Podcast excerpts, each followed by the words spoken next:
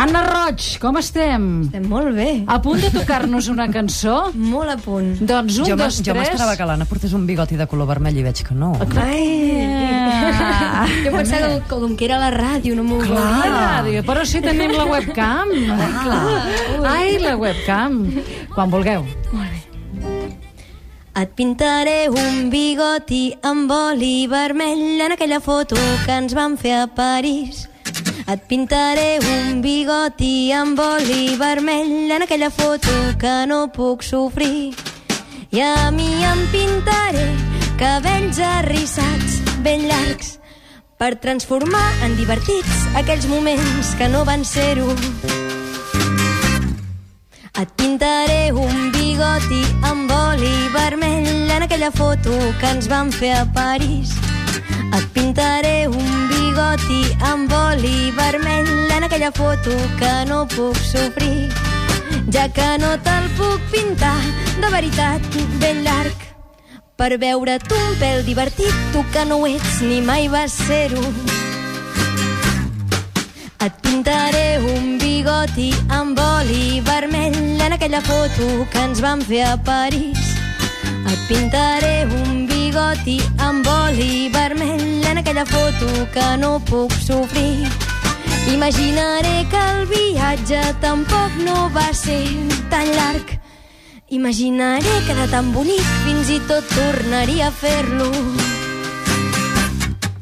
Et pintaré un bigoti amb oli vermell en aquella foto que ens van fer a París. Et pintaré un bigoti amb oli vermell en aquella foto que no puc sofrir. I et pintaré una berruga i un moc que et cau ben llarg per transformar en divertit tot allò que no va ser-ho. Per transformar en divertit allò que recordo llarg i trist tan llarg, tan trist, però que de fet tant no va ser-ho.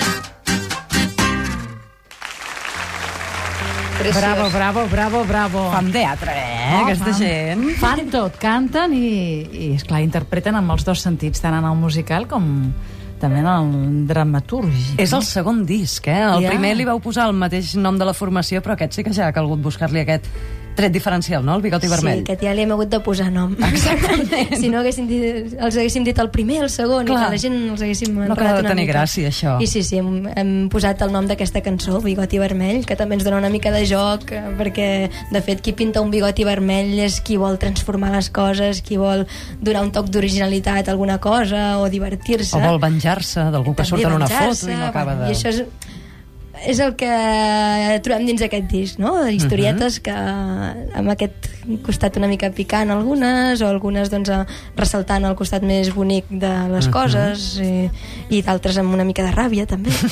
I demà, eh, en el concert que teniu demà a l'auditori, dins del Festival de Guitarra, sortireu tots a l'escenari amb un bigoti vermell? O què, què ens podem esperar? No està previst, però és que serem molts sobre l'escenari. Més Serem- que ara? Més, perquè Carai. serem nosaltres cinc, però vindran tots els músics col·laboradors que han col·laborat en el disc.